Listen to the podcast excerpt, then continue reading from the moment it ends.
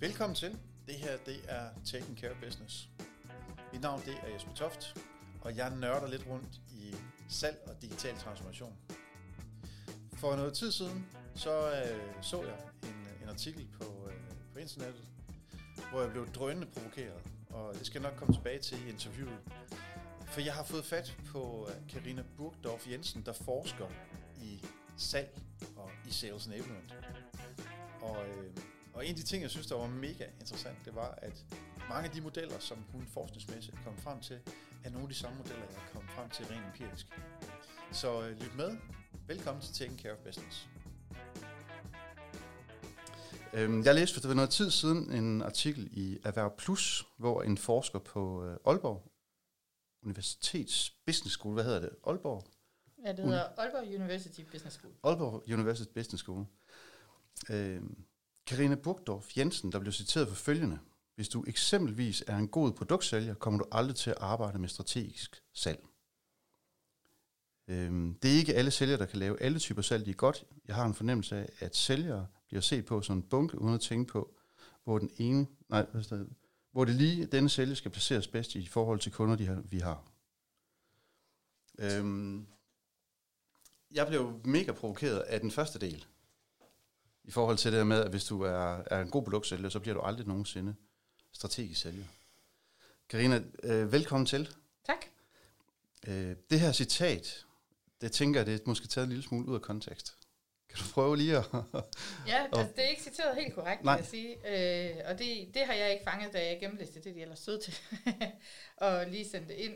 Øh, så, så godt, godt fanget. Ja. Det jeg rent faktisk har sagt, det er, at de dygtigste produktsælgere, mm. de ikke bliver de bedste co-creation-sælgere. Nej. Øh, og co-creation-sælgere vil typisk arbejde med strategisk salg, men der er faktisk ikke nødvendigvis en, øh, en ligestilling mellem at være co-creation sælger og være strategisk salg. Nej.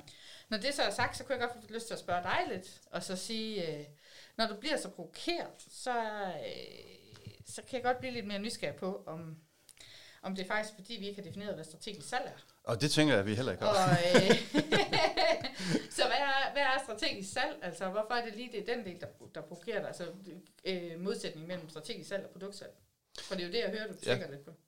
Jamen, jeg, og, og jeg tror også, vi skal snakke om co-creation, og, og hvad det, der det ligger under også, det, ikke? Ja, ja, ja. Øh, fordi jeg tror, det der, det, der provokerer mig, det var netop for det første, at vi, vi skældner så hårdt mellem en produktsælger og en strategisk sælger.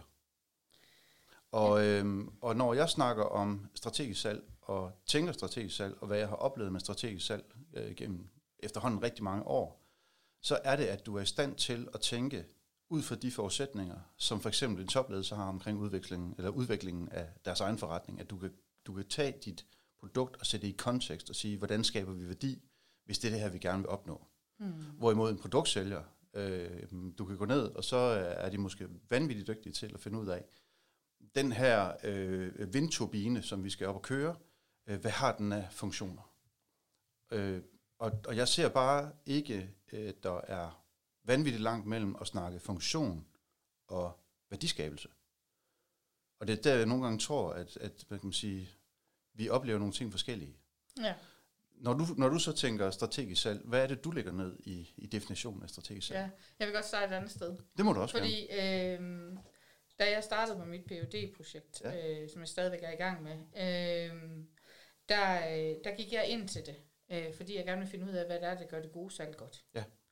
Og øh, jeg havde sådan en forståelse af, at øh, vi skulle dele salg ind i B2B og B2C. Så skulle vi kigge på operationelle produktsalg og strategisk salg. Og så skulle vi kigge på, om det var digitalt eller øh, face to face. Ja. Så der var sådan nogle forskellige, øh, der var også noget måske med brancher, eller øh, du ved, øh, volumen, og der var sådan mange forskellige måder, man kunne prøve at differentiere salg på. Mm. Noget af det, som, som gik op for mig ret tidligt i processen, er, at vi i salgsbranchen faktisk har en meget unuanceret måde at tale omkring salg på. Ja. Og at vi ikke er enige om de begreber, vi bruger. Nej, det er vi bestemt ikke. Øh, og, og det betyder, at når du taler om værdisalg, ja. og nogen taler øh, om value selling og øh, value creation, så er det ikke nødvendigvis det samme. Nej. Når vi taler om produktsalg, er det ikke nødvendigvis det samme. Når vi taler om strategisk salg, er det ikke nødvendigvis det samme. Så strategisk salg er der nogen, der tænker som det, du siger her, hvis man kan tænke sit produkt ind i en overordnet strategisk tankegang, hvor man kan argumentere for, hvordan det er med til at forbedre en kundes forretning, for mm. eksempel. eller tænke det ind i en kontekst. For andre er det simpelthen bare et spørgsmål om, at det er noget, der har en stor nok værdi for den sælgervirksomhed, man har. Ja. Altså det er en strategisk vigtig kunde, man ja. har med at gøre. Ja. Øh, sådan måske key account begreb. Ja. Øh, og for helt andre, så har det noget at gøre med, hvem det er, du taler med. Hvis du taler med en direktør, så er det, så er det per definition strategisk.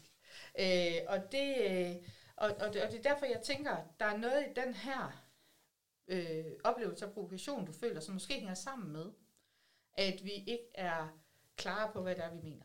Det, så, så, så, så for at sige, hvor er det, jeg står henne, ja. så står jeg der, hvor at jeg mener faktisk, at vi skal prøve at udvide vores forståelse af, hvordan vi taler om salg. Mm. Og i stedet for at tale så meget om, hvad der er strategisk og hvad der ikke er strategisk, så skal vi hellere prøve at tale på, hvordan er det, vi skaber værdi i den kontekst, vi er i. Ja. Så vi kigger på værdiparadigmer. Ja. Ikke? Og så kan man sige, at den første form for værdiskabelse, den, øh, den har at gøre med den rene transaktion. Det er der, hvor at man bytter en vare for en modydelse. Ja. Det er en helt klassisk værdiskabelse, hvor at det er øh, værdien, som bor inde i produktet selv, eller ydelsen. Jeg går ind i øh, IKEA, og jeg køber mig en seng, fordi jeg gerne vil have noget at sove i. Ja, eller i B2B-verdenen, ja. at øh, du øh, bestiller, øh, det kan være en intranetløsning til ja. din virksomhed, ja. øh, eller et øh, CRM-system. Det behøver ikke at være, vi skal huske, at kompleksiteten af produktet, øh, kan godt være lidt mere avanceret end, en pose mælk, eller et, et bord, eller en stol. Det behøver heller ikke at være fysisk. Så det er bare for lige at illustrere, at vi kan godt stadigvæk sige, at et standard CRM-system, som er plug and play, kan også godt være et transaktionssalg. Ja. Hvor det går jeg hen og henter, og så sætter jeg det i brug, og så er det sådan set det, der er, og så får man en udydelse for det. Ja. Godt. Alle former for værdiskabelse har et element af transaktion i sig, fordi det er der, hvor pengene ligger. Der er simpelthen ingen business, Nej. hvis ikke der også er en udveksling af ydelser et eller andet sted i det.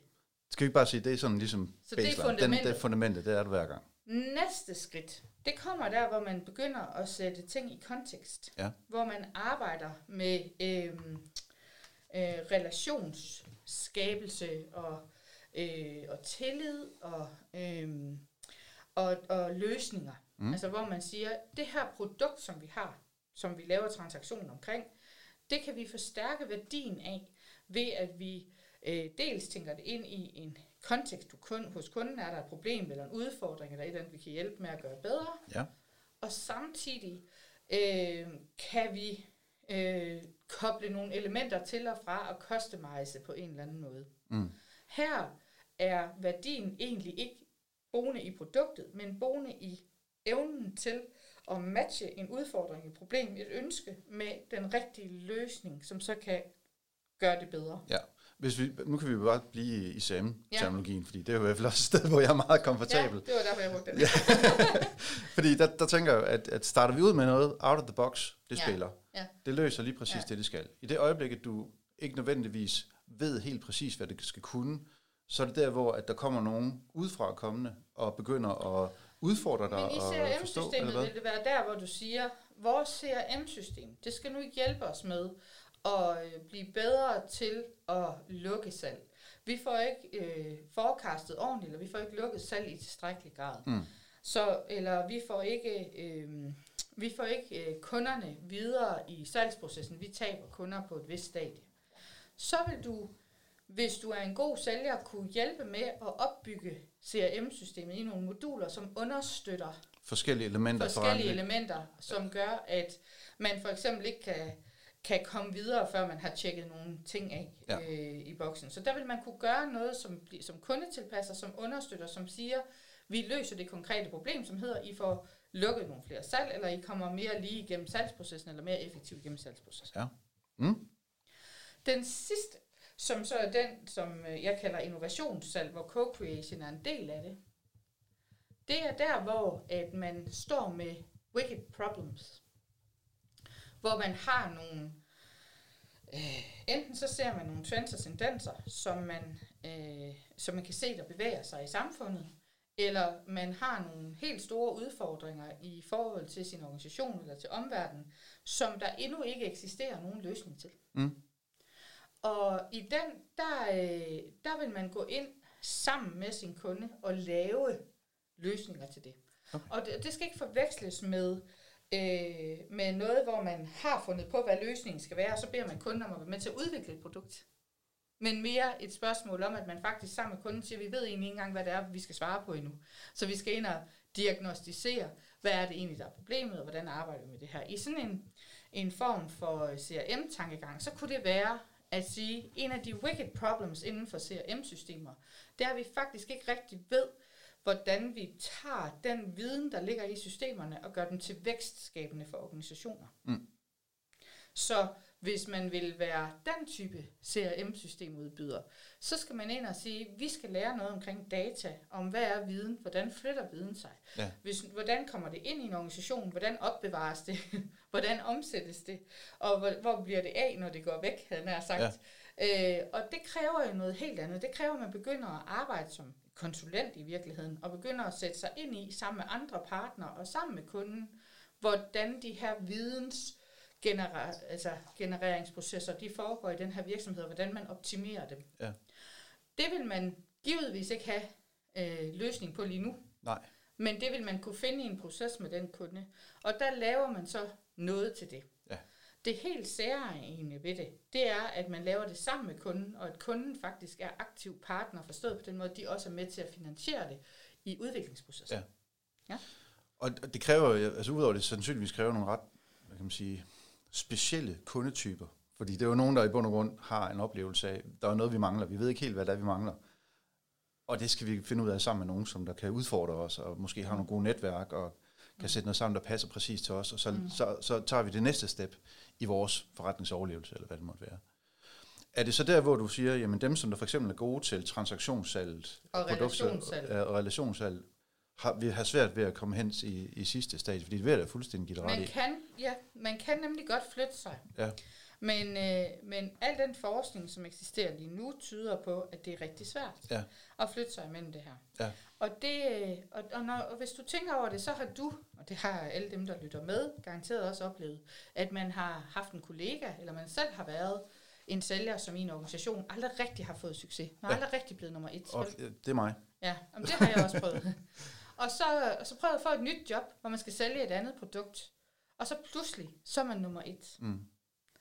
Og så kan man jo sige, ah, men det er der jo en masse gode årsager til, at du fik sikkert noget bedre coaching og så videre, men hvis man sådan virkelig dykker ned i det, så kan det jo faktisk godt være, at det måske i virkeligheden handlede mere om, at man er blevet matchet med den type salg, som man, man som, har præference for. Man, ja. Ja. Fordi der sker nemlig også det samme den modsatte vej. Mm. Nemlig, at man har topsælgeren, som kommer og meddeler, for vel, amigos, nu tager jeg et nyt job, nu skal jeg ud og, og have højere løn og bedre stilling et andet sted. Ja. Og så kommer den person aldrig rigtig Nej. til at lykkes. Nej. Fordi man, uden at vide det, faktisk har skiftet sig ind i en anden salgskontekst. Ja. Min pointe er så, og det var egentlig det, jeg forsøgte at få ud ja. i den her artikel, at hvis vi kender som sælger, vores egne, men også som salgsledere, sælgernes præferencer for, hvad det er, de er gode til. Ja. Og hvordan det er, de gør det, hvordan det er, de, de arbejder med salg i praksis. Mm. Og så prøver at matche det til kunderne, for du nævner du kunderne også. Ja. Vi ved faktisk også fra forskning, ikke min forskning, min gode ven uh, Bert Parsbrygge har lavet noget forskning, så, hvor man kigger på sælgernes eller købscentrenes modenhed mm. i forhold til at indgå i den her form for, uh, for relationer. Ja. Og den, øh, det optræder vi så nogle gange med sammen, du ved, øh, salgsiden og indkøbssiden. Ja. Øhm, så, så hvor man faktisk kan gå ind og se på, hvad er det for nogle kunder, vi skal gøre den ene type salg med, og den anden type salg ja. med, hvornår. Ja. Og det sidste bliver vigtigt, fordi at kunderne jo også bevæger sig, især hvis det er organisationer, og ja. har forskellige behov på forskellige tidspunkter. Ja. Der, der er en anden ting, jeg, jeg lige bliver nødt til at, at, mm. at grave ned i her, fordi det er noget, jeg hører hele tiden. Mm det er for eksempel virksomheder, hvor de sælger et produkt, og, og kunderne de, de kan godt lide produktet, og lige nu der har de måske svært ved at sælge så nok produkter, som de mm. gerne vil. Og så siger mm. de, at vi skal til at være mere værdiskabende for vores kunder. Mm. Øhm, det, det kan jeg jo ikke tage fra dem. Det lyder som en vanvittig god idé. Ja. Men, men der er bare en tendens ude i markedet til, at de her salgschefer eller direktører, eller hvem der nu er, der sidder og bestemmer det her, de siger, vi skal, vores, vi skal, vi skal være værdiskabende, vi skal mm. meget mere vægt på, på værdi. Jamen, du sælger stadigvæk en, øh, en stor gravemaskine. Altså, hvad er det for en værdiskabelse? Altså, giver det hele tiden mening at snakke om værdiskabelse i den kontekst, eller er det bare et kommunikationsgreb? Ja. Øhm, det er et rigtig godt spørgsmål. Tak for det. Det kommer an på kunden. Mm. For nogle kunder, man kan jo godt have, have et produkt, som for nogle kunder er bare et produkt, ja. som de gerne vil have en leverandør til. Og andre, på, på, øh, andre kunder, som gerne vil have en lidt dybere samarbejde, og igen nogen, som vil være villige til at være partner og lave innovative ja. øh, nye co-creation ja. øh, produkter med. Øh, det handler om at være i stand til at se, hvad der er for nogle kunder, man skal gøre hvad med. Kan man, så, kan, man, kan man putte de kunder lidt i nogle kasser så? Ja, det kan man, og det er det, som, øh, når jeg nævner Bert, øh, min, min gode ven Bert, ja. så er det fordi, han har en, øh, en måde at, øh, at segmentere på, hvor man kigger på, øh, hvad er det egentlig, vi tilbyder, altså hvad er øh, vigtigheden af vores produkt i forhold til den kunde, vi sidder med, hvor, mm. hvor strategisk vigtig er den, ja. og samtidig, hvad, hvor, hvor, hvor stor er scarcity, altså er den nem eller ja. svær, altså hvad er vores uniqueness i virkeligheden. Ja. Og ud fra det så har han sådan en matrix, som er baseret på Kreislik uh, matrix, som er sådan en indkøbsmetode, uh, mm. hvor han siger, at, uh, at det er faktisk kun, hvis du leverer noget, som har en høj strategisk værdi for, for kunderne, hvis du kan se, at det kan gøre en stor impact for deres forretning, og samtidig, ja. at, uh, at du er meget unik. Og så skal de også være et sted, hvor de har en indkøbsfunktion, som er fuldt integreret. Det vil sige, at øh, indkøbsfunktioner i modenhed, øh, og det har man kendt til siden 70'erne, bevæger sig fra øh, at være nogen, øh, i nogle indkøbsfunktioner har den funktion, at, at nu beslutter du dig for, at der skal købes noget ind, så går du ud og siger til din indkøber, jeg skal bruge x antal af den her vare. Ja. Sørg for at få det til en god pris. Mm. Øh, det vil du typisk også gøre ved de varer, som ikke er sådan super strategisk vigtige for virksomheden. Det, det skal du bare, vi skal bare have det, og nu handler det om at få det til den billigste pris muligt, så hurtigt som muligt. Mm. Med mindst mulig bøvl. Ja. ja. Øhm, så er der dem, hvor du siger, prøv at, vi, øh, vi skal have noget, der kan løse det her problem, og jeg har en idé til, det den her type varer. Kan du ikke prøve at undersøge, hvad der er på markedet? Ja. Og så vende tilbage til mig, og så forhandle en god pris på ja. det, når det er. Så er der igen dem, hvor, de, hvor indkøberne kommer og siger, vi, jeg har set, vi har et problem her. Det vil jeg gerne prøve. Vi, der er nogen, der kan komme med et bud på det, hvor vi kan løse det. Vil du ikke kigge på det? Og ja. så er det ligesom dem, der tager initiativet. Og sidst men ikke mindst, så er der dem, hvor indkøbsfunktionen er en strategisk funktion, som har til for, formål at være med til at indfri ja. virksomhedens overordnede strategi. Ja, for jeg tænker, det, det er, det, det er med en, en vigtig distinktion mellem indkøbsfunktionerne. Fordi jeg, jeg ved da, det har du garanteret også mødt nogle gange, at man møder en sådan procurement-afdeling, hvor at, jamen, de har jo de slår op i en, en tabel og siger, prøv at det her det er andre, der ja. kan levere billigere. Og det, og det vil du især opleve, hvis de opfatter dit produkt som noget, som er meget standardiseret ja. og meget rutine for den. Ja. Øh, og i de tilfælde, der vil man jo øh, med den viden, vi har i dag, altid anbefale, at der automatiserer den proces, mm. og har mindst mulig personlig kontakt med den. Ja. Altså vi ved faktisk, at hvis du har et meget standardiseret rutineprodukt, som bare er volumenprodukt for den kunde, du har med at gøre, ja. så trækker det negativt i forhold til kundetilfredshed og dækningsbidrag, hvis du har personlig kontakt med dem. Ej, hvor interessant. Det er jo, det er jo en helt anden... Øh. så, øh, så, så det ja. vil sige, at, øh, at for de kunder, som kigger på dit produkt og tænker, at det her det er simpelthen bare standard, det er noget, vi skal have til en billig pris, ja. så kan det faktisk, så, så, så er kundetilfredsheden faktisk mindre, hvis du insisterer på at tale med dem. Ej, hvor interessant. Okay, øh, jamen det er... Ja. Meget så, så, ja. så det handler om også at segmentere kunderne anderledes ja. i forhold til at forstå det her. Det der med A og B og C kunder, og hvad har omsætningen været sidste år og sådan noget. Ja der er ikke ret meget, der tyder på, at det er den bedste måde at segmentere kunderne på i fremtiden. Nej, det tænker jeg aldrig nogensinde, det har været. Nej, men, men, men, men, men, men det altså, kan måske give noget i forhold til, jeg ved det ikke, altså det eneste giver vel, det er vel på en grund et spørgsmål om volume, ikke? Ja. Og, øh, jeg, jeg tror, det... Men mindre man lægger nogle andre begreber ned over sin ABC-segmentering. Ja, ja, lige præcis. Og så tror jeg, det har noget at gøre med, at, øh, at det har været en måde at prøve at forekaste på, som heller ikke har givet noget. Ja. Ja, det er den største anke, jeg hører, når jeg taler med virksomheder, det er, hvordan skal vi så estimere en business case på, på sådan et projekt, sådan et co-creation projekt. Det er fuldstændig umuligt. Det ja. kan vi jo ikke. Nej. Hvor jeg siger, det har du jo aldrig kunnet. Nej. Altså, i, der er jo, øh, som det ser ud i dag, så er det jo noget med 72 procents afvielse, der er i, hvad man tror en ordre potentielt er værd, og hvad man reelt får ind i ordre. Ja. Til den negative side ja. i gennemsnit. Okay. Så, altså, så det er ikke fordi, vi har været super gode i forvejen. Nej, Nej altså, jeg kan huske, jeg blev, jeg blev på et tidspunkt ansat faktisk som sælger i en virksomhed, ja. der overhovedet ikke passede til mig. Og min første opgave, det var at lave fem års forecast for mine ja. kunder, som jeg ikke ja. har mødt endnu. Ja, ja. Og jeg, jeg sad seriøst og tænkte, ja. det her det er den dummeste opgave, jeg nogensinde har lavet. Her mm. kan umuligt blive. Ja. Så. og, og problemet er jo også, at man tænker, hvor meget køber de her for? Så gætter vi lidt ud fra, hvad vi tror, de skal have. Ikke? Ja. Og, øh, og det kan vi jo så kun gøre, hvis vi allerede ved, hvad løsningen er. Så det udelukker alt det her co-creation. Ja. Øh, når vi så kigger på det, så har vi sådan nogle dumme øh, trapper inde i vores CRM-systemer, hvor vi siger, at hvis vi har haft det første møde, så er den 30% værd i værdi. Så sådan 30% af den estimerede ordre. Ja. Og når vi sender tilbuddet ud, så stiger den til 60%, og det holder jo ikke. Nej. Altså, så... Øh, så øh, hvad, hvad, giver det mening i nogle kontekster? Fordi altså, den måde, vi sætter... Nu kan jeg jo igen kun tale for, for mig selv og nogle af de kunder, vi arbejder med. Der går vi jo ind på baggrund af, hvad blev virkeligheden til? Og siger, okay, x antal af de kunder, der ligger i det her stadie, ved vi, det går videre til det her. Så vi mm. tilpasser på baggrund af virkelighed. Man kan selvfølgelig lave altså, nogle algoritmer, ja. og, og, og heldigvis er teknologien jo så skarp nu, ja. at jeg tænker, at der begynder at komme flere og flere bud på, hvordan man kan lave nogle mere ja. akkurate forecast. Og det er der behov for. Ja. Øh, så så det, det vil jeg slet ikke afvise, mm. at man teknologisk skal gå ind og, og løse noget omkring. Men jeg kunne egentlig godt tænke mig at komme lidt tilbage til, øh, til dig og din forskning, fordi det her, det er jo i bund og grund det, du sidder og blandt andet sidder og kigger ind i, tænker mm. hvad er det for nogle kundetyper, der passer til hvilke sælgertyper? Fordi det, du snakker om, det er jo på grund, når du snakker co-creation, så er det jo nogle bestemte ja. virksomheder. Det er, der er langt mellem snaps, tænker jeg. Øh, hvorimod at vi kender måske flere virksomheder, flere sælgere og flere kundetyper, der er mere sådan produkttransaktionsbaserede. Ja. Øhm. Jeg vil sige det sådan her. Alle de virksomheder, som, øh, som forstår at arbejde med co-creation, mm. de har en gevinst ud af det. Ja. Men det er rigtig vigtigt at sige, at man skal ikke co-create med alle kunder hele tiden. Det er en af de største misforståelser, der er. Det er blevet sådan et nyt hongord, ligesom disruption. Ikke? Ja. Det, blev, det var jo også sådan for et par år siden, at der skulle alle ind og se, hvordan de kunne disrupte sig selv. Ja, ja. Øh, hvad hedder det? Det er en rigtig dårlig idé.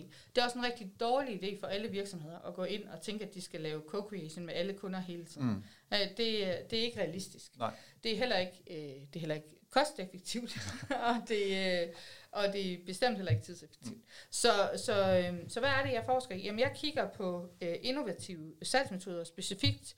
Øh, hvordan er det, man i praksis laver co-creation-processer med virksomheder? Ja. Og der har jeg udviklet en model, som jeg så har testet af i nogle forskellige organisationer inden for forskellige brancher. Mm. Og fundet ud af, at hvis vi benytter den her model, med den rigtige type kunder, og ja. der trækker jeg jo så igen på kollegaers research. Sådan ja. er det jo. Jeg har et lille felt, der er mit, ja. og så er der nogle andre rundt omkring, som har lavet noget baggrundsresearch, som jeg kan stå på og læne mig op af, ja. øh, sådan så at, øh, at jeg har et fundament at arbejde ja. ud fra. Øhm, kan du få lidt ord på din model? Fordi det er, det er, jo, det er jo der, ja, hvor det begynder at blive det vil jeg gerne. Jeg vil godt lige sige det andet først. Ja. og, så, øh, og så kigger jeg øh, rigtig meget ind i, øh, altså, og det er jo så den her co-creation salg i praksis, som, ja. som er modellen.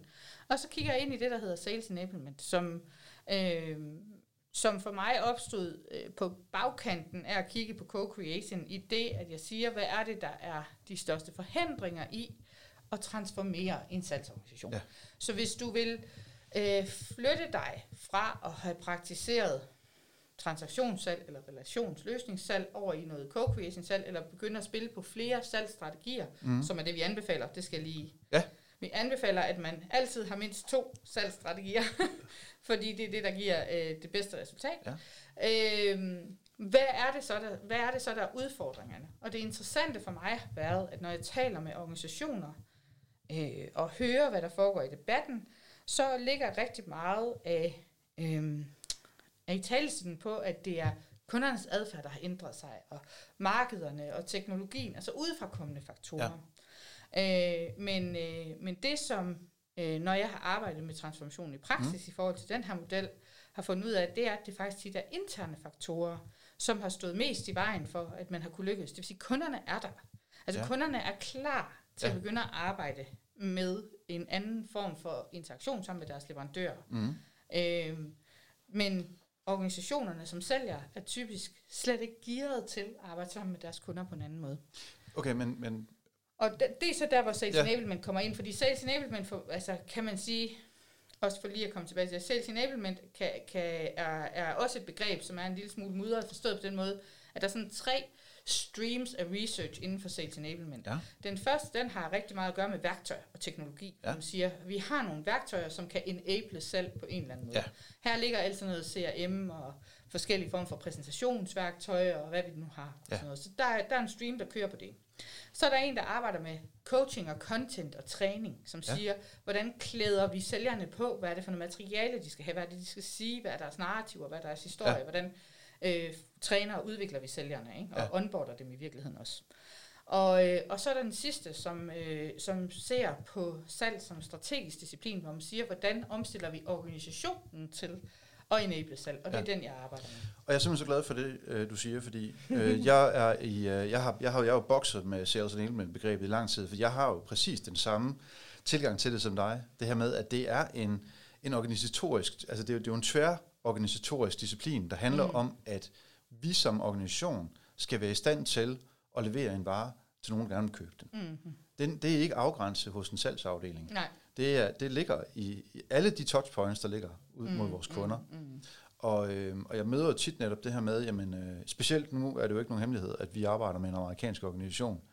Og deres definition af sales enablement, det passer fantastisk godt til at sælge noget software til en salgsafdeling, en marketingafdeling og en serviceafdeling. Og, og det bliver så en lille smule bullshit-agtigt, hvor jeg mm. netop kan se præcis det samme, som du siger. Der indgår jo også værktøjer i, øh, i den her tværorganisatoriske, fordi mm. den skal man arbejde sammen. Ja. Øh, der ligger enormt meget ledelse i, fordi jamen, når du både skal have øh, marketing og salg og kundeservice og hvad der nu ellers stikker det ud af, produktion, ikke?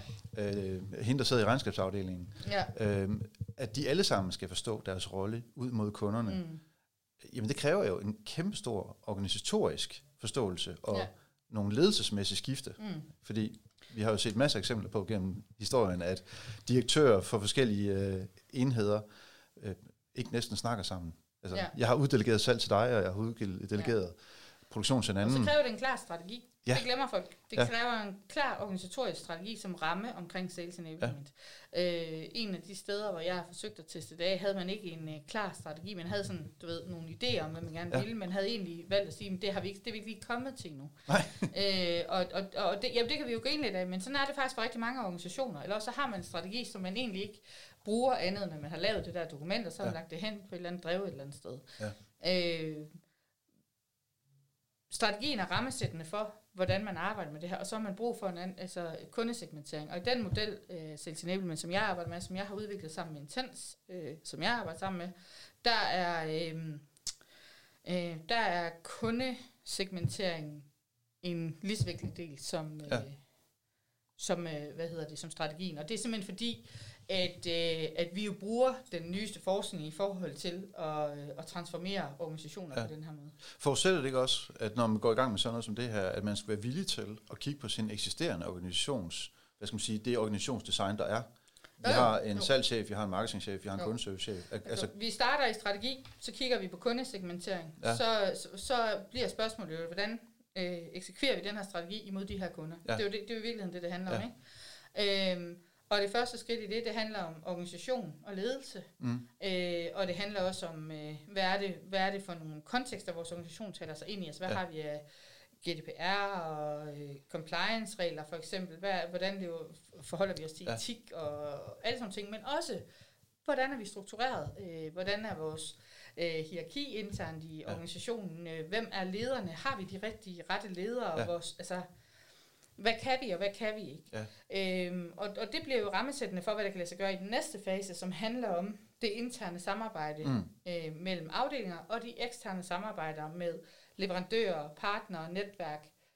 Øh, altså noget af det, som jeg oplever mange virksomheder ikke, ikke sådan eksplicit har taget stilling til, det er, når nu vi bruger en masse tid på at netværke og være i det, er vi så driver af netværk eller udvikling i vores, i vores branche, ja. eller er vi observanter og følgere, og, og der er ikke noget galt i at være det sidste. Det, skal bare lige, det, det er bare forskelligt. Man kan godt være nogen, der sidder i en øh, branche og er der og arbejder inden for det, der foregår der, og være rigtig, rigtig succesfuld i det, uden at der er noget skidt øh, på nogen måde. Mm. Men der er jo også nogen, som går ind og driver og udvikler deres brancher ja. og øh, arbejder med det. Men det har stor betydning for, hvordan du skal være åben udadtil. Ja. Jeg vil lige vende tilbage til noget, så jeg lige mm. før, fordi at, at jeg er jo en af dem, der render rundt og, og, og råber og skriger om, at kunderne har ændret sig, fordi jeg kan jo se kunderne, mm. deres adfærd har jo netop ændret sig. De, de vil ikke mm. interagere med sælger på samme måde, som de bare ville for fire år siden. Hvad, hvad, hvordan mener du? Øh, et eksempel det er, at rigtig mange af de, øh, både for vores eget vedkommende, men mange af de kunder, som vi arbejder med, der er deres kunder rigtig dygtige til at uddanne sig selv rigtig langt ned ad vejen. De læser meget, de uddanner sig, fordi det er oftest øh, nørdetunge, øh, komplicerede produkter. Øh, og det vil sige, at sælgernes adfærd er meget, øh, vi skal ringe ud og booke et møde. Vi skal, vi skal prøve at få den der aftale i stand, så vi ligesom kan prøve at finde ud af, om der er noget. Mm. Og hvis de, ikke, hvis de ikke er klar nu, så er det forkert lead. Ja. Og hvor at, øh, at den, hvad kan man sige, også fordi vi jo netop stiller meget viden til rådighed, både i vores vej, men også mm. for, for dem, vi arbejder sammen med. Det er jo ligesom det vores mm. segment. Mm. Det er nørdetunge virksomheder med et komplekst produkt, hvor at kundernes egen uddannelse fylder rigtig meget. Øhm, der er en masse begreber, der skal på plads. Der er måske nogle indkøbsprocesser, der skal på plads, før man kan gå ud og, og vælge det her produkt. Så det er der, hvor vi bevæger os rigtig meget. Og jeg har sådan et helt dugfrisk eksempel på en, en, en kunde, vi arbejder med her for nylig. Og vi afleverer nogle rigtig fede leads ind mm. i salgsafdelingen. Mm. Og efter øh, tre uger, så evaluerer vi, så siger de, at det er, det er noget lort. Mm. Så, hvorfor er det det? Der er ikke nogen af os, der gider mødes med os. Altså, der er, eller der er ikke nogen af de her kunder, der gider, med, de her leads, der gider mødes med os. Så det er forkert. Og, og der, det er der, hvor jeg tænker, at en af de psykologiske kontrakter, man laver, når man begynder at uddanne sig selv, og begynder at interagere med en virksomhed på de her digitale platforme, mm, nu er, mm, mm. så er den aftale, vi laver en lille smule, prøver at jeg, jeg læser, og jeg uddanner mig. Jeg gider kraftigt ikke snakke med, med en sælger, der kommer for hurtigt ud af busken. Så lidt ligesom de der facer, der render rundt nede på, på gågaden. Ja. Og det er der, hvor jeg siger, at kundernes adfærd kan vi se er anderledes for sælgernes adfærd, og salgschefen adfærd og incitamentsmodellen for sælgerne er uændret. Ja, altså der er rigtig mange ting af det, du siger her, som, som jeg også godt kan genkende. Altså det her med, det er jo en del af sales enablement-modellen, det er at sige, hvordan er det, vi, øh, vi aflønner og belønner øh, vores sælgere for eksempel. Ja. Altså fordi øh, man kan godt lave en idé om, for eksempel, nu, nu nævnte du nogle af dem her før, som siger, at vi vil gerne være mere værdiskabende i vores forretning. Men hvis du stadigvæk insisterer på, at man skal booke 20 møder og holde øh, fem møder hver, hver uge, ja. så, så ændrer man ikke salgspraksis. Nej. Så bliver det det, der bliver det vigtige. Ja. Så, man, så der, er no, der er noget omkring noget målepunkter. Mm. Det andet, jeg vil sige i forhold til det, det er, ja, ja, køberne har ændret sig. Men det er jo ikke, men, men, men det jeg måske sådan en gang imellem lige sådan reagerer lidt på, det er, det er jo ikke noget, der er sket i går eller sidste år. Øh, øh, vi er med på, at der er sket noget i 2020 i forhold til corona, ja, i forhold til mødefrekvenser. Men... Så når, hvis du ser bort fra det, så, så, øh, så er det jo lang tid siden, at kunderne har, er begyndt at indhente deres informationer via ja. internettet og digitale øh, procedurer. Vi har talt om kundernes ændrede adfærd øh, siden 2005. Ja, det har vi. øh, og, og det er bare for at jeg, sige... Jeg er faktisk henne med finanskrisen, ja, hvor det virkelig trak ja, af. Hvor at, øh, og, og, og så er det, jeg siger, det, det, det er jo ikke fordi, det gør det forkert, at vi har talt om det længe. Jeg tror bare, hvis vi flytter fokus, så det vi i virkeligheden skal til at tale om, det er den manglende ændrende adfærd hos sælgerne og salgsorganisationerne. Ja. Fordi det er der, den er. Ja. Hvis du kigger på de salgsprocesser, de steps, vi har i salgsprocessen, mm. og den måde, vi går igennem en salgssamtale på med kunderne, så har de nemlig notorisk ikke ændret sig. Nej. Siden 2005. Jeg vil gerne kunne tage en længere tid tilbage. jeg vil tage den, altså jeg har sådan en, øh, en, en, en, en ting, jeg hele tiden hænger frem, eller lever frem, når vi begynder at tale om, hvad er det, der ikke har ændret sig. Øh, jeg er helt tilbage til, til kraften med næsten stillelanderne. Ikke? Jeg kom ud af, af, af, af skoven med min flindøks, og du sidder nede på, mm. på, på vandet, mm. eller nede vand med dine østers og du kigger på min flintøks, og jeg kigger på din øster, så vi bytter. Ikke? Så mm, har vi vores mm. transaktion. Mm-hmm. Og du bliver glad for flintøksen, og ja, jeg får den i maven, og jeg kommer tilbage med en ny flintøks. Det er ikke sikkert, at du får den. Det ja. kan være, jeg slår efter dig. Ikke? Ja. Øh, den der, at vi har noget udveksling, og, og vi handler med folk, som vi godt vil handle med, det har jo ikke ændret sig. Altså, jeg tænker i bund og grund ikke, at de steps, der er undervejs i en købsproces, har ændret sig en ret meget. Ja, og det, det, og det har de jo så. Øh, for når vi ser den ændrede adfærd hos kunderne, så er det jo faktisk ændringer i selve processen. Er det det? Ja. Kan du komme med et eksempel? Det, det kan jeg godt komme med et ja. eksempel Så, så lad os, øh, jeg har lige uh, lavet noget sammen med uh, nogen, som uh, sælger systemer til øh, autobranchen. Mm. Og det vil sige, at deres kunder er autoforhandlere. Mm. Så øh, og hos autoforhandlerne, der, øh, der kan man sige, der kan, de, der kan vi jo tydeligt gå ind og se, at processen, og nu går vi så over i sådan noget BTC, jeg kan godt tage over til BTB senere, processen, når man køber en bil, har ændret sig voldsomt. Købsprocessen.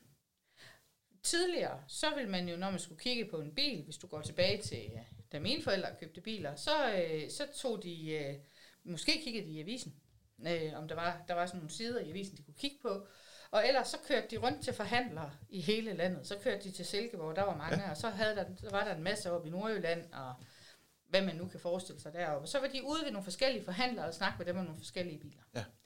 I dag, der bruger den gennemsnitlige bilkøber 14 timer online, ja. inden de nogensinde sætter fod på sin forhandler. Og det er kun i løbet af de sidste fire timer, at de har valgt præcis hvilket mærke de vil mm. kigge nærmere på, mm. og har valgt en forhandler, som de begynder at undersøge nærmere frem for de andre. Ja. Det er et stort skifte. Så, og på samme måde kan vi se, at der er nogle øh, andre øh, brancher, hvor man har lignende, øh, lignende skifte i, i B2, B2B. Ja. Og der, hvor vi især kan se det, det er der, hvor den viden, som man tidligere skulle til en sælger efter, den nu er offentligt tilgængelig. Ja. Et godt eksempel er pris. Ja. Hvis du går tilbage, da jeg fik mit første salgsjob i 1997, jeg, ja, vi snakker ikke om, hvor gammel jeg er, men der, øh, der var det jo, ja, jo cirka. ja, det var meget sødt sagt. Ja, men det var, det var sådan, jeg var meget hurtig ud. Ja, så hvad hedder det, øhm, så var det sådan, at hvis man ville have en pris på et kompliceret produkt, så var prisen faktisk hemmelig. Ja. Og så skulle man tale med sælgeren, som så kun udleverede prisen på den specifikke løsning, du skulle have. Mm. Fordi man ville jo egentlig ikke have, at konkurrenterne fik fat i dine priser. Nej. Nej. I dag, der er alt det her offentligt tilgængeligt. Ja, jeg oplever det modsatte faktisk, at, at de fleste, mange, når vi snakker om, om pris, ja. øh, og det er også fordi, vi netop har mange af de her virksomheder, mm. der er i gang med en transformation. Mm. Og når vi siger, hvorfor ikke priser på jeres website? Det, ja. det var sådan Når jeg siger det offentligt tilgængeligt, ja. så mener jeg ikke, de ligger det ja. ud på deres website. Nej. Jeg mener, at, øh, at det findes, ja. og det ved vi, det gør. Ja. Fordi at lige så snart du har fået en løsning med en pris på, så er der nogen, der deler det i fora og så med hinanden og uden ja. netværk. Så det er offentligt tilgængeligt. Ja. Og når vi spørger kunderne, også i B2B-kontekst, mm. så øh, jeg, kan, ikke huske, det en fra Tyskland, der har lavet en, øh, en undersøgelse mm. af det, jeg kan ikke huske navnet, det må jeg lige vende tilbage til. Hvis der er nogen, der er interesseret, så skriv til mig, så skal jeg nok levere, sende artiklen. Hvad hedder det? Øhm, som har fundet ud af, at altså, i, i 9 ud 10 tilfælde, så kender kundene priserne inden. Ja, men det, det tror jeg også. Og altså, det er, jeg er tvivl om, at det og, er... Og, så, så, og det ændrer jo. Ja. Det ændrer købsprocessen, fordi ja. nu er du ikke længere afhængig af at tage det møde med den sælger for at få det her. Nej. Så det har faktisk ændret sig. Ja. De forudsætninger, vi arbejder med, har ændret sig. Men, det, men hvis vi prøver at pille fra hinanden, fordi det er jo der, hvor jeg sådan, måske sådan taler, øh, taler i en anden retning, eller måske bare ikke uddyber, hvad det er, jeg mener, når jeg siger, at jeg synes jo ikke, at tingene har ændret sig, fordi vi har jo altid ville have en pris. Vi har jo altid vil vide, hvad kommer der til at ske, mm. når jeg går i gang med jer. Altså, hvad, hvad bliver jeg udsat ja. for? Er I den rigtige leverandør for mig? Nu er det bare blevet væsentligt flere kanaler, hvor jeg kan få den her viden. Og den er ikke længere unik for en sælger. Og det jo det, som der var tidligere, hvis du skulle have svar på spørgsmål, hvis du skulle finde ud af et eller andet, hvis du skulle have et oplæg eller en kontrakt eller et eller andet, så skulle du snakke med en sælger. Mm. Det behøver du bare ikke mere. Nej. Så sælgerens rolle har jo, har jo ændret sig markant. Sælgeren, altså vi er nødt til at spørge os selv i salgsbranchen, og ja. det, jeg mener jo alle salgschefer, de skal spørge sig selv det her. Hvornår giver det mening for mine kunder at mødes med en sælger? Ja. Og hvornår gør det ikke? Ja. Og der hvor det ikke gør, der skal man automatisere sig ud af det. Ja. Der er alt for få virksomheder, som bruger den teknologiske kompetence, der er til rådighed. Ja. Det er klart, der ligger en investering i det, men alt tyder på, at det betaler sig hjem. Ja. Fordi det dyreste ressource, vi har, det er jo altså de der sælgere. Det sælger. Så det er meget billigere for systemet til at lægge og køre det. Og igen, kundetilfredsheden stiger jo ved det. Ja. Jamen det, det tænker jeg også, så, det gør. Så, det er, altså, så, så, så, så der er ingen vej udenom. Og så skal man bruge sælgerne der, hvor det at have en sælger i rummet, ja. det tilfører værdi til nogen. Og så oplever vi faktisk ikke i det tilfælde, at sælgerne siger nej til et møde, eller køberne siger nej ja. til et møde, fordi det er værdiskabende ja. for dem. Og de ved, hvad det, hvornår det kommer til at ske, og hvad ja. formålet er. Men, eh, men jeg kan godt tænke mig lige at knytte en kommentar til det, for det handler også om, nu sagde jeg det med salgsprocesser før, ja. At hvis du kigger på salgsprocessen, nu sagde du, det, du sagde på et tidspunkt det her med, at kunderne vil gerne have et møde. Ja. så, øh, så helt traditionelt, sådan en salgsproces, sådan noget med, at man laver noget forarbejde, og så, øh, så, har man, så tager man den første kontakt og laver et eller andet form for et pitch eller en præsentation, en introduktion. Så begynder man at afdække kundens behov og prøve at forstå, hvad, hvad vil du, hvordan er jeg, og opbygge noget rapport og så videre. Så præsenterer man sin løsning og sin pris, og begynder at forhandle lidt omkring det, mm. og så lukker du og har leveringer efter salg. Ja. I den form for salgsproces er jo super god automatiseret i forhold til øh, transaktionssalg. Ja. Men den er jo designet til transaktionssalg. Ja. Og øh, så har vi nogle salgsprocesser, som er designet til at testet i forhold til relationssalg. For eksempel sådan noget som spinselling, som stadig dur til den type salg. Mm, interessant. Øh, hvad hedder det? Det er jo ikke, fordi spinselling ikke dur mere. Nej. Den har altid duet til den type salg, den er designet til. Ja. det er bare fordi, de nye former for salg, der er den ikke tilstrækkelig længere. Nej. Hvad er, det, hvad er det, der ikke er længere tilstrækkeligt i forhold til... Jamen det er jo, at den, øh, at den har nogle øh, rammer, som gør, at den forudsætter, at et, der er et problem. Ja. Og to, at vi kan løse det ved, at, ved nogle allerede eksisterende løsninger eller moduler. Ja. Og det er jo det, der ligger i relations- og løsningssalg. Ja. Så hvis du forsøger at lave co-creation med den model, så falder du til jorden. Ja, det, Hvis det er sådan, ja. at det i virkeligheden bare er et simpelt rutineprodukt, så gider de ikke at tale med dig om det. Så får man den der, hvor de siger, "Ved du hvad, hvad handler det her om? Ja. Fordi at, at så er du allerede overbelastet dem, du har givet dem for meget. De gider ikke at bruge så meget tid på at købe et simpelt produkt. Nej. Ja, det tænker jeg øh, giver, giver, giver meget mening. Så når man skal udvikle sin salgsorganisation, så skal man starte med at lave nogle andre former for salgsprocesser. Man skal indse, at salgsprocessen er ikke ens, Nej. hvis man vil lave den ene eller den anden eller den tredje type salg. Kan man, kan man udvikle en salgsproces uden at kigge på kundens købsproces? Øh, det vil være dumt, tænker jeg. Ja. Øh, det vil være dumt. Ja. Men, men det er ikke... Øh, og når, men når du siger kigge på, så tænker jeg ikke nødvendigvis, den skal tilrettelægges nødvendigvis efter kundens købsproces hele vejen hjem. Nej. Vi skal jo huske, at en salgsproces og en købsproces er kommunikative processer. Mm. Og det er, øh, det er processer, som, øh, som er iterative og udvikler sig undervejs. Øh, og at begge parter har mulighed for at øh, lave det, som man øh, kan kalde sådan nogle øh, altså fokalpunkter faktisk, hvor man siger, her er der sådan et knudepunkt, hvor vi nu kan vælge at gå den ene eller den anden vej i samtalen. Ja. Så, så vi har i alle samtaler sådan nogle, sådan nogle øh, krydssteder, hvor samtalen kan tage en drejning i den ene eller anden Ja. ja. retning.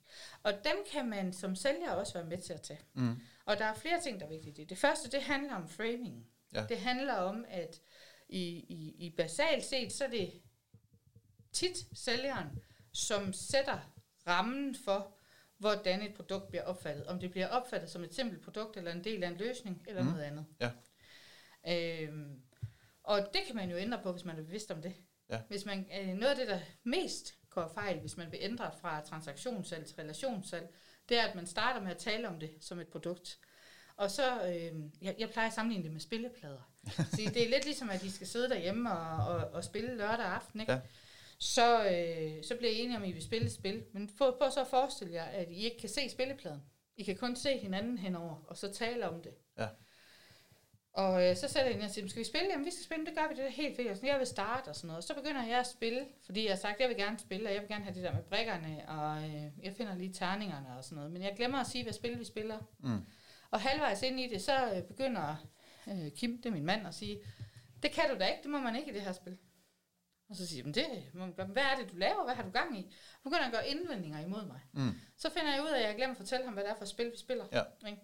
Så, og, og på samme måde kan man sige i, i salg, at det handler om at være helt tydelig om, er vi nu i gang med at forhandle om et produkt? Ja. Er vi i gang med at kigge på en kontekst? Eller er vi i gang med at udvikle noget sammen? Ja. Og, og det, der tit går fejl, det er, at sælgerne, de tror, at de gør det ene, men i virkeligheden gør det andet eksplicit. Ja.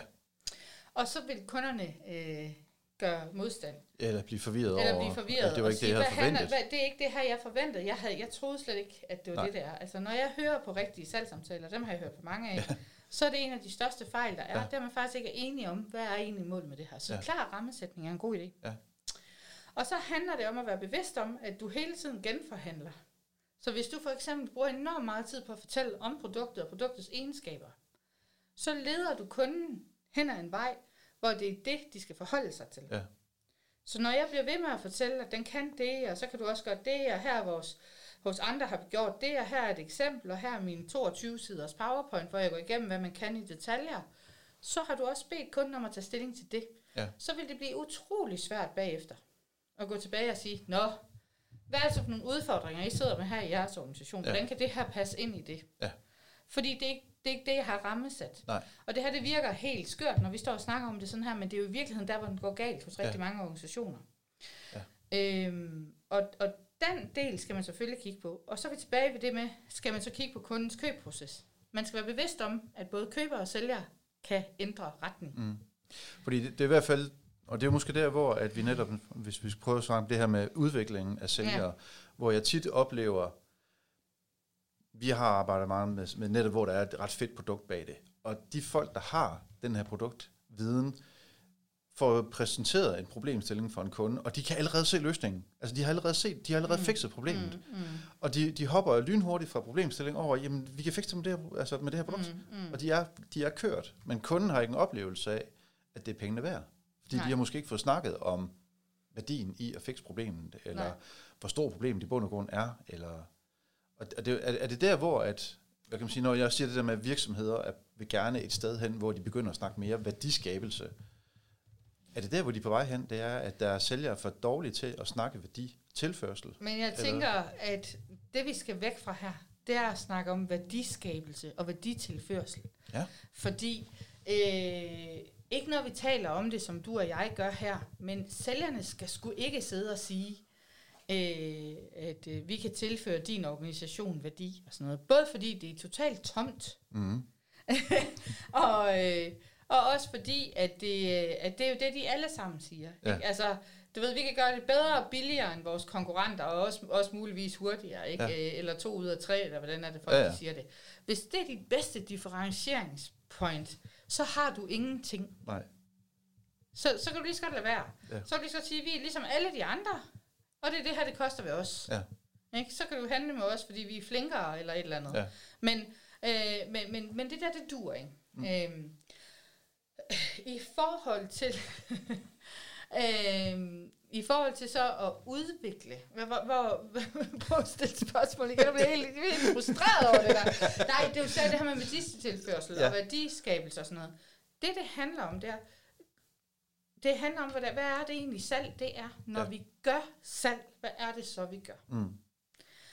Og hvis du spørger mig, nu har jeg brugt lidt tid på det, det er lidt interessant, fordi da jeg ledte efter, efter en definition, jeg kunne skrive øh, i det, der forhåbentlig skal blive min fremragende afhandling en dag inden for alt for længe, så, øh, så var der ikke ret mange bud på, hvordan vi skulle definere salg sådan Nej. på en nuanceret måde. Men hvis, hvis du spørger mig, så vil jeg sige, at det handler om, at nogen i tale sætter, hvordan vi kan skabe en forandring igennem en transaktion. Ja. Og det, der er vigtigt, det er jo i virkeligheden forandringen. Det, man skal i tale sætte, det er ikke, hvad værdi det er, Mm. men hvad er det, der sker, hvis du køber? Ja. Hvad, vil, hvad er det, der er anderledes, hvis vi laver den her handel i forhold til, hvad du ikke gør? Ja. Og det er selvfølgelig udledt i forhold til, hvad er det, der dur. Fordi det, vi kan se, det er, at hvis ikke der er nogen, der siger det der højt, så tænker alle det Ja. ja. indvendigt. Altså, og jeg er slet ikke uenig, fordi det er faktisk en af mine store kæpheste, det der med, at jeg spænder nogle gange ben for mig selv, når jeg sælger noget, mm. har jeg Mhm. fundet ud af. Fordi at, at når man nogle gange har gjort øh, nogle ting en masse gange, og har lavet en masse mm. fejl, mm. og, og har, har brændt nogle ting af, fordi at man, man valgte at gå ned ad den forkerte vej undervejs, så bliver man nogle gange gjort bevidst om, hvor kompleks det mm. nogle gange kan være, Mm. at lave en ny løsning for, for, Mm. for en virksomhed. Mm. Øhm, der er jo masser af virksomheder, der er investeret i ERP-systemer for eksempel, mm. Hvor det har taget to-tre år for det op at køre. Hvis man havde sagt fra starten, at nu skal I prøve at høre, I bliver virkelig ked af det her. Det kommer til at tage tre år. Der er en, det koster minimum to medarbejdere i jeres ja. Økonomiafdeling. Ja. Øh, vi ryger 80% over budget. Mm. Øh, det er bare lige det, det, det er det, der kommer til at ske, når du køber. Så er der ingen, der vil købe. Nej. Altså, hvor, hvor at, at man nogle gange kan blive lidt for... Det bliver stort, det bliver svært, det bliver komplekst. Hvor jeg kan se mange andre, de siger, at det bliver ikke stort, det bliver ikke komplekst. Foot in the door, lad os nu komme i gang, og så tager vi down the road. Ja. Øhm, er der ikke en risiko for netop, at når vi begynder at snakke om, hvad er det, du kommer til at møde, at hvis det ikke står mål med noget værdi, du skal have ud af det, Mm. at så er der ubalance. Og jeg er så glad for, at du stiller det spørgsmål. Og det er jeg, fordi hvor er, hvad er det for en verden, vi lever i som sælger, hvor vi tror, at kunderne de ikke allerede kan gennemskue det? Altså, jeg, jeg, jeg hører også tit nogen, der siger til mig, vi kan sgu da ikke sidde og sige, at der er det her, vi ikke kan. Altså, det kan vi da ikke. Så går de jo bare et andet sted hen. Ja, eller du kan få den som kunde nu, og så er det din dyreste kunde, hvis I reelt ikke kan skabe den rigtige form for værdi. Du må, vi lyver ikke, vi snyder ikke. Det er måske Nej. er det ikke Nå, bedre det er sådan, ikke det med altså... at lyve og snyde, men jeg tænker, det, det med at, at øh, fortige, eller lade være med at bringe frem, Ja. det, det, der har vi fra sælgers side en idé om, at så tænker kunden det ikke. Øh, altså, at, at, at de ikke selv regner sig frem til det. Ja. Jamen, jeg har det sgu sådan, at når jeg netop lægger frem tingene frem, at det, ja. er ikke, det, er ikke, det er ikke mig, der kommer til at stå dårligt. Det er dem, der skal købe det, der siger, jamen hold da kæft, det kan vi ikke få vores bestyrelse med på det Ja. her. Så skal vi til at involvere Ja. alle dem der også. Men det har de fundet ud af alligevel. Hvis du så havde ja. det til dem, ikke? Og du ikke havde fortalt dem, at der var alle de her potentielle udfordringer også, du ikke havde løjet, men du havde udladt Ja. problematikkerne ja. i forhold til det, så har du muligvis haft den mest dyre kunde, du have haft ja. i Danmarks historie. For, Ja. for at redde det her kundeforhold, og undgå reklamationer, undgå bad publicity, ja. så er du nødt til at lægge en masse ressourcer i at hjælpe dem, Ja. sådan, så, så bestyrelsen, som kommer tilbage og siger, det kan jeg lige godt sige dig, hvis ikke du fikser det her lige nu, ja. så... Øh, og så bliver det en dyr kunde, ja. og så er du måske slet ikke tjent på den kunde i sidste ende. Nej, altså jeg, jeg, altså jeg er efterhånden ved at være god til det her, til at, at ligesom finde ud af, hvad der er, der ikke skal være i vores forretning. Og hvad Ja. der skal være i vores forretning. For jeg ved godt, otte måneder down the road, hvor vi kommer til at stå henad. Men jeg kan bare se, at der er rigtig mange, der gerne vil have nogle quick fixes derude. Ja. Ja. ja. Og det, jeg kender det godt. Jeg tager jo en gang imellem ud og laver en lille bitte smule arbejde øh, omkring øh, salgsudvikling, også ved siden ja. af mit dayjob. Det er ikke ret meget. Øh, men, øh, men jeg er blevet berømt for at sige, at øh, jeg leverer kun slow fixes. Åh, oh, fedt. det er simpelthen så fedt. Jeg, jeg tænker, når man nu står over for at skulle kigge ind i en, en, hvad kan man sige, en udvikling af sin salgsafdeling, og vi skal til at uddanne de her Mm. sælgere i en eller anden retning. Og der er måske nogen, der ikke skal udvikles. Altså, hvordan, hvordan afgør man, hvordan, altså, hvilke greb man stiller over for sin sælger? Hvordan Ja. kigger man på sin sælger og tænker, du skal være her, dig kan vi udvikle på. Her er det måske så som så. Ja. Der, der, er, øh, der er tre ting, som man sådan skal stille op over for hinanden. Det første, det handler om mindset. Øhm, og, øh, og der tænker jeg ikke sådan, om du er positiv eller negativ. Det betyder også noget, mm. Mm. øh, om du er forandringsparat og alle de her ting. Men øh, det viser sig faktisk, at den mest vigtige egenskab i forhold til at lære ny adfærd, det er ikke at være øh, hurtig til at lære nyt, men evnen til hurtigt at aflære gammelt. Mm. Øh, det er sådan lidt interessant, så der, fordi det, det ved vi. det var en lille detalje. Så, så det er ikke nødvendigvis, at dem, som viser mest modstand, ikke er dem, der kan flyttes. Mm. Det er bare for at sige lige til den af bordet. Ja. Det handler om at forstå, i mit mindset, hvad er det gode salg så? Mm. Altså, fordi det fortæller rigtig meget om, og det hjælper organisationen med at få overblik over, hvad er det egentlig, at den her sælger ser som sin opgave, og hvordan opfatter de sælgerrollen. Mm. S- øh, og, og det lyder helt simpelt, men svarene spænder fra, det handler om, at øh, vi skal have lange noget over disken, til øh, i virkeligheden så øh, handler det bare om, hvordan vi finder ud af, hvordan vi kan være med til at gøre en positiv forskel i vores marked. Og så er der alt det ind midt imellem. Vi vil Ja. gerne rådgive kunder. Jeg vil gerne rådgive kunder til at træffe det rigtige valg, eller jeg vil gerne øh, hjælpe, eller... Øhm, og, og det, der er interessant i det her, det er, at der er jo stor forskel på at være hjælper for kunder, og være rådgiver, og være pusher af et produkt, eller at være partner. Ja. Og det siger noget om, hvad deres mindset er. Det bliver interessant, fordi det mindset, det næsten altid afspejles i deres adfærd. Ja. Næsten altid, siger jeg. Fordi der er lige det arbejder bare, at øh, sælgere er notorisk dårlige til at selvreflektere over egen praksis. Okay. Øh, og, det, og det er ikke bare noget, jeg siger let. Mm. Øh, og jeg har ikke kigget på andre brancher, så det kan godt være, det er sådan for andre brancher også, men nu ved jeg, at for sælgere, der er det sådan, når jeg spørger, så siger de alle sammen, "Vi- jeg kender det godt, de der griner, dem der, der ikke, øh, de kan kun snakke produkter, de bliver aldrig sådan nogle værdiskabende, så det gør de aldrig. Øh, der findes flere i min... Øh, altså, jeg gør det. Jeg er sådan Mm. en, der... Jeg, jeg snakker altid værdi med mine kunder, og jeg, det er kundens præmisser, kundens banehalvdel, og du ved, partner, og sådan har jeg altid været. Ja. Men jeg har da, altså de, jeg kender da, Ja. altså vi har mange kollegaer, der gør det andet. øh, og det er sjovt, at det er sådan for alle sammen. Ja. Ja. Og af en eller anden grund, så er der nogen, der har påklistret en eller anden idé om, at det er bedre at være relations- og løsningssælger, eller værdisælger, end det er at være øh, produkt- og transaktionssælger. Mm. Hvilket er helt forkert. Det, det er bare forskellige steder, der det, det er påkrævet. Ikke? Og, og, og, og det er jo... Det er jo netop også det, jeg oplever tit. Jeg var, der, der er sådan en lille sjov ting. Jeg var i Holland her for noget tid siden og uddannede nogle sælgere dernede, og vi, skulle, vi havde ikke fortalt dem, hvad de skulle. Det er sådan nogle, der har været virkelig mange år i branchen. Og, og øh, da jeg så fortæller, at øh, her til formiddag skal vi arbejde med spørgsmål, mm. så er der en, der helt, han fysisk rejser sig op og begynder at gå ind til hans uh, salgsdirektør, fortæller ham, at uh, det er nok en god idé, at du sætter dig ned igen, hvis du fortsætter med at have et job. Mm. Må han bare sige, er du klar, hvor gammel jeg er? Er du klar, hvor mange år jeg har stillet spørgsmål? Mm. Så siger jeg til ham, prøv at jeg sætter en flaske rom på højkant, hvis du klarer dig igennem første opgave. Mm. Ja. Og han taber jo. Ja. Øh, og da vi er færdige med dagen, der sidder han og siger, ja, men det var, det var ret lige for pusset noget af. Ikke? Ja. Og det er sådan, han har været eklatant ringe hele dagen. Så jeg, jeg, det, jeg, jeg oplever også det samme der med i forhold til, hvor, hvor meget modstand der kan være i forhold til at se sig selv som, ja. hvad er det, du ikke Men også til? fordi vi ikke har haft noget fællessprog. Ja. Fordi det har været, og, og, det, og det er meget vigtigt for mig at sige, det her det er faktisk ikke et sælgerproblem. Det er Nej. et lederproblem. Det tænker jeg også, der. Ja, og det er det, fordi at lederne ikke tilstrækkeligt har øh, været klar over, hvad den organisatoriske eller teammæssige tilgang har været. Ja. Og de er ikke selv bevidste om det, de har ikke fælles sprog, og der er ikke fælles sprog omkring det i Nej. deres organisationer. Så sælgerne har ikke noget at vurdere det ud fra. Mm. Lidt ligesom vi startede med at tale om, hvad er egentlig strategisk salg, ja. så burde man have den snak ud med sine sælgere for at forstå, at vi taler om det samme, også når vi taler om værdisalg, ja. og hvordan man gør ting. Men udover mindset, så skal man kigge på, hvad er det, vi gør, når vi gør salg? Ja. Når du er sammen med kunderne, hvordan gør du det så? Hvordan starter du? Hvordan er din salgsproces? Hvordan gør øh, du det her? Hvordan forhandler du? Og prøv mm. at se, hvad er det egentlig, du gør i praksis? Ja. Og hvis man gør det og prøver at kigge på, taler vi meget produkter og egenskaber og udbytte? Taler vi meget kontekst og kundens forretning? Eller er vi i gang med at lave noget innovativt? Mm.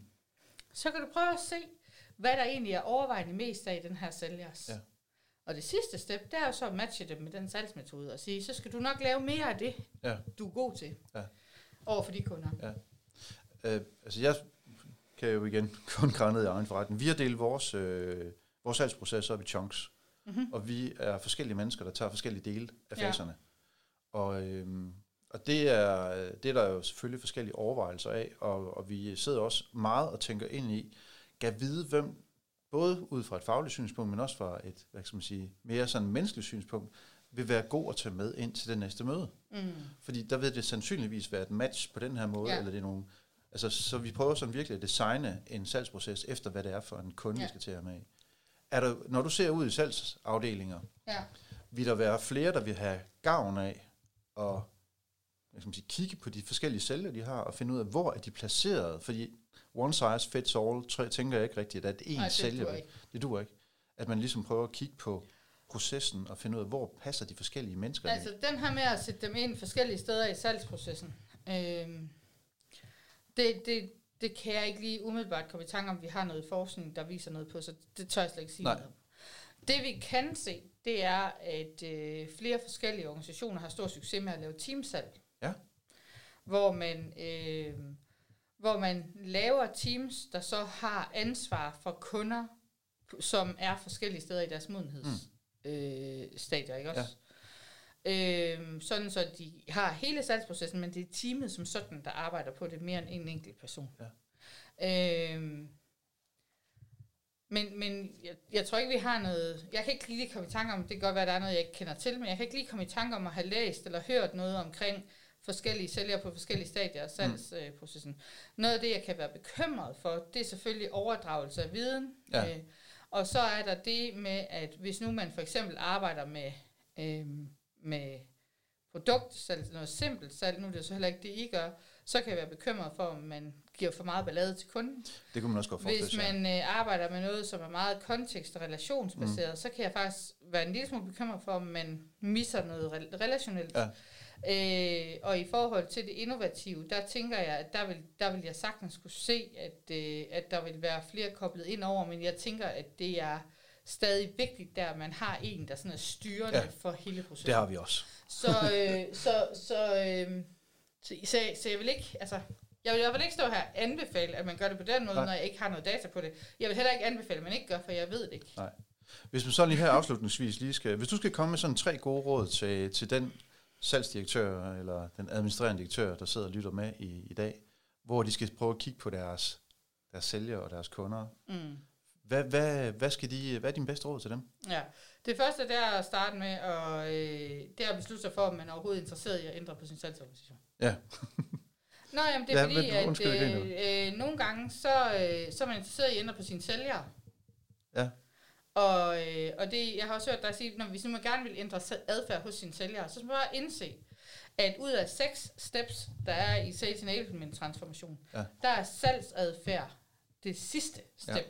Så det vil sige, at du skal igennem fem andre sådan ret omfattende øh, faser af salgstransformation, ja. hvis du skal sikre, at det her det lykkes på den bedst mulige måde i adfærdsændringen. Mm. Så Øh, så det er en, og, og det er også derfor, jeg faktisk ikke anbefaler, at man laver de her øh, fire dages salgskursus, eller går mm. ud og køber det her, fordi der er ikke, altså, øh, så skal du i hvert fald på forhånd være klar over, at have så meget styr på din forretning, at du ved, hvad det er for en type salg, der virker, ja.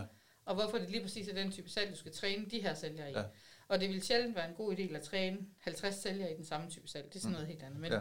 men men det første vil være, er du i virkeligheden interesseret i at transformere din salgsorganisation, eller er du bare interesseret i at transformere nogle sælgere? Ja. Fordi så vil jeg faktisk være en lille smule kynisk og sige, hvis det bare er at transformere nogle sælgere, der ikke passer ind i den kontekst, der er i dag, så, så er det nok billigere, mere effektivt, hurtigere, at få dem sendt et andet sted hen, og så få nogle nye. Ja. Fordi, at, og så skal man også vide, hvis ikke rammerne er der, hvis ikke du har organisationen til at spille med dem, så kommer de aldrig til at lykkes alligevel. Nej.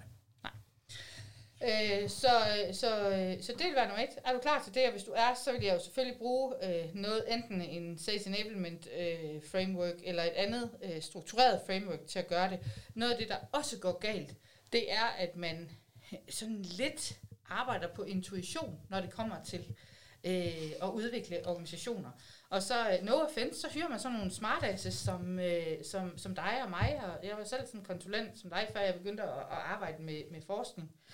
Og, øhm, og så står vi der og bræger op om det og sådan noget. Hvis vi skal være helt 100% ærlige, så, øh, så er det jo ikke altid, at der er super meget sådan håndfast viden under det, som man kommer til at sige derude. Der kan godt være nogle, noget erfaring bag, og det skal vi også huske at erfaring kan også være vigtigt. Problemet med erfaring, det er, at det kan blive rigtig svært at gennemskue for den enkelte, mm. hvornår den erfaring, den faktisk er værdifuld i andre kontekster, end der, hvor den er opstået. Ja. Øhm, så et systematisk framework, som er testet og afprøvet, det findes faktisk, for det gode er, at vi er lige nu sådan på verdensplan måske i stedet mellem 80 og 90 salgsforskere i hele verden, mm. som arbejder på, på forskellige former for salgsforskningsprojekter kontinuerligt. Og der kommer hele tiden ny forskning. Ja.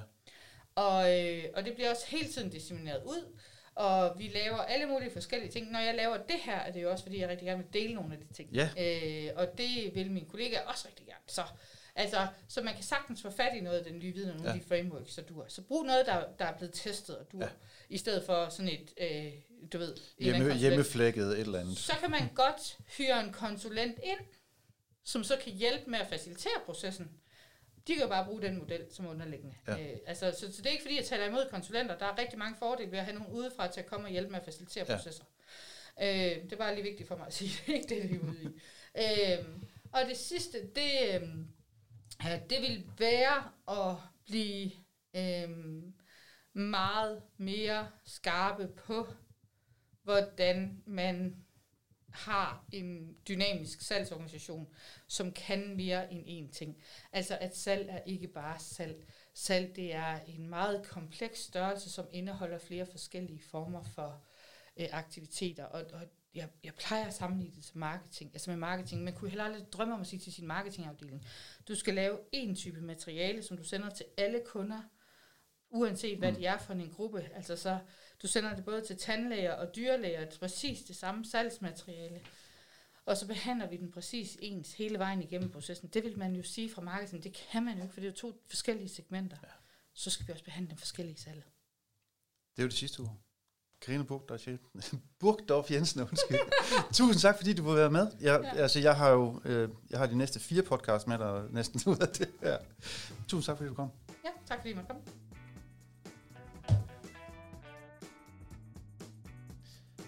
Det var afsnittet med Karine Burgdorf Jensen. Jeg er glad for, at du øh, lyttede eller så med. Mit navn er Jesper Teft. Tak fordi du var med.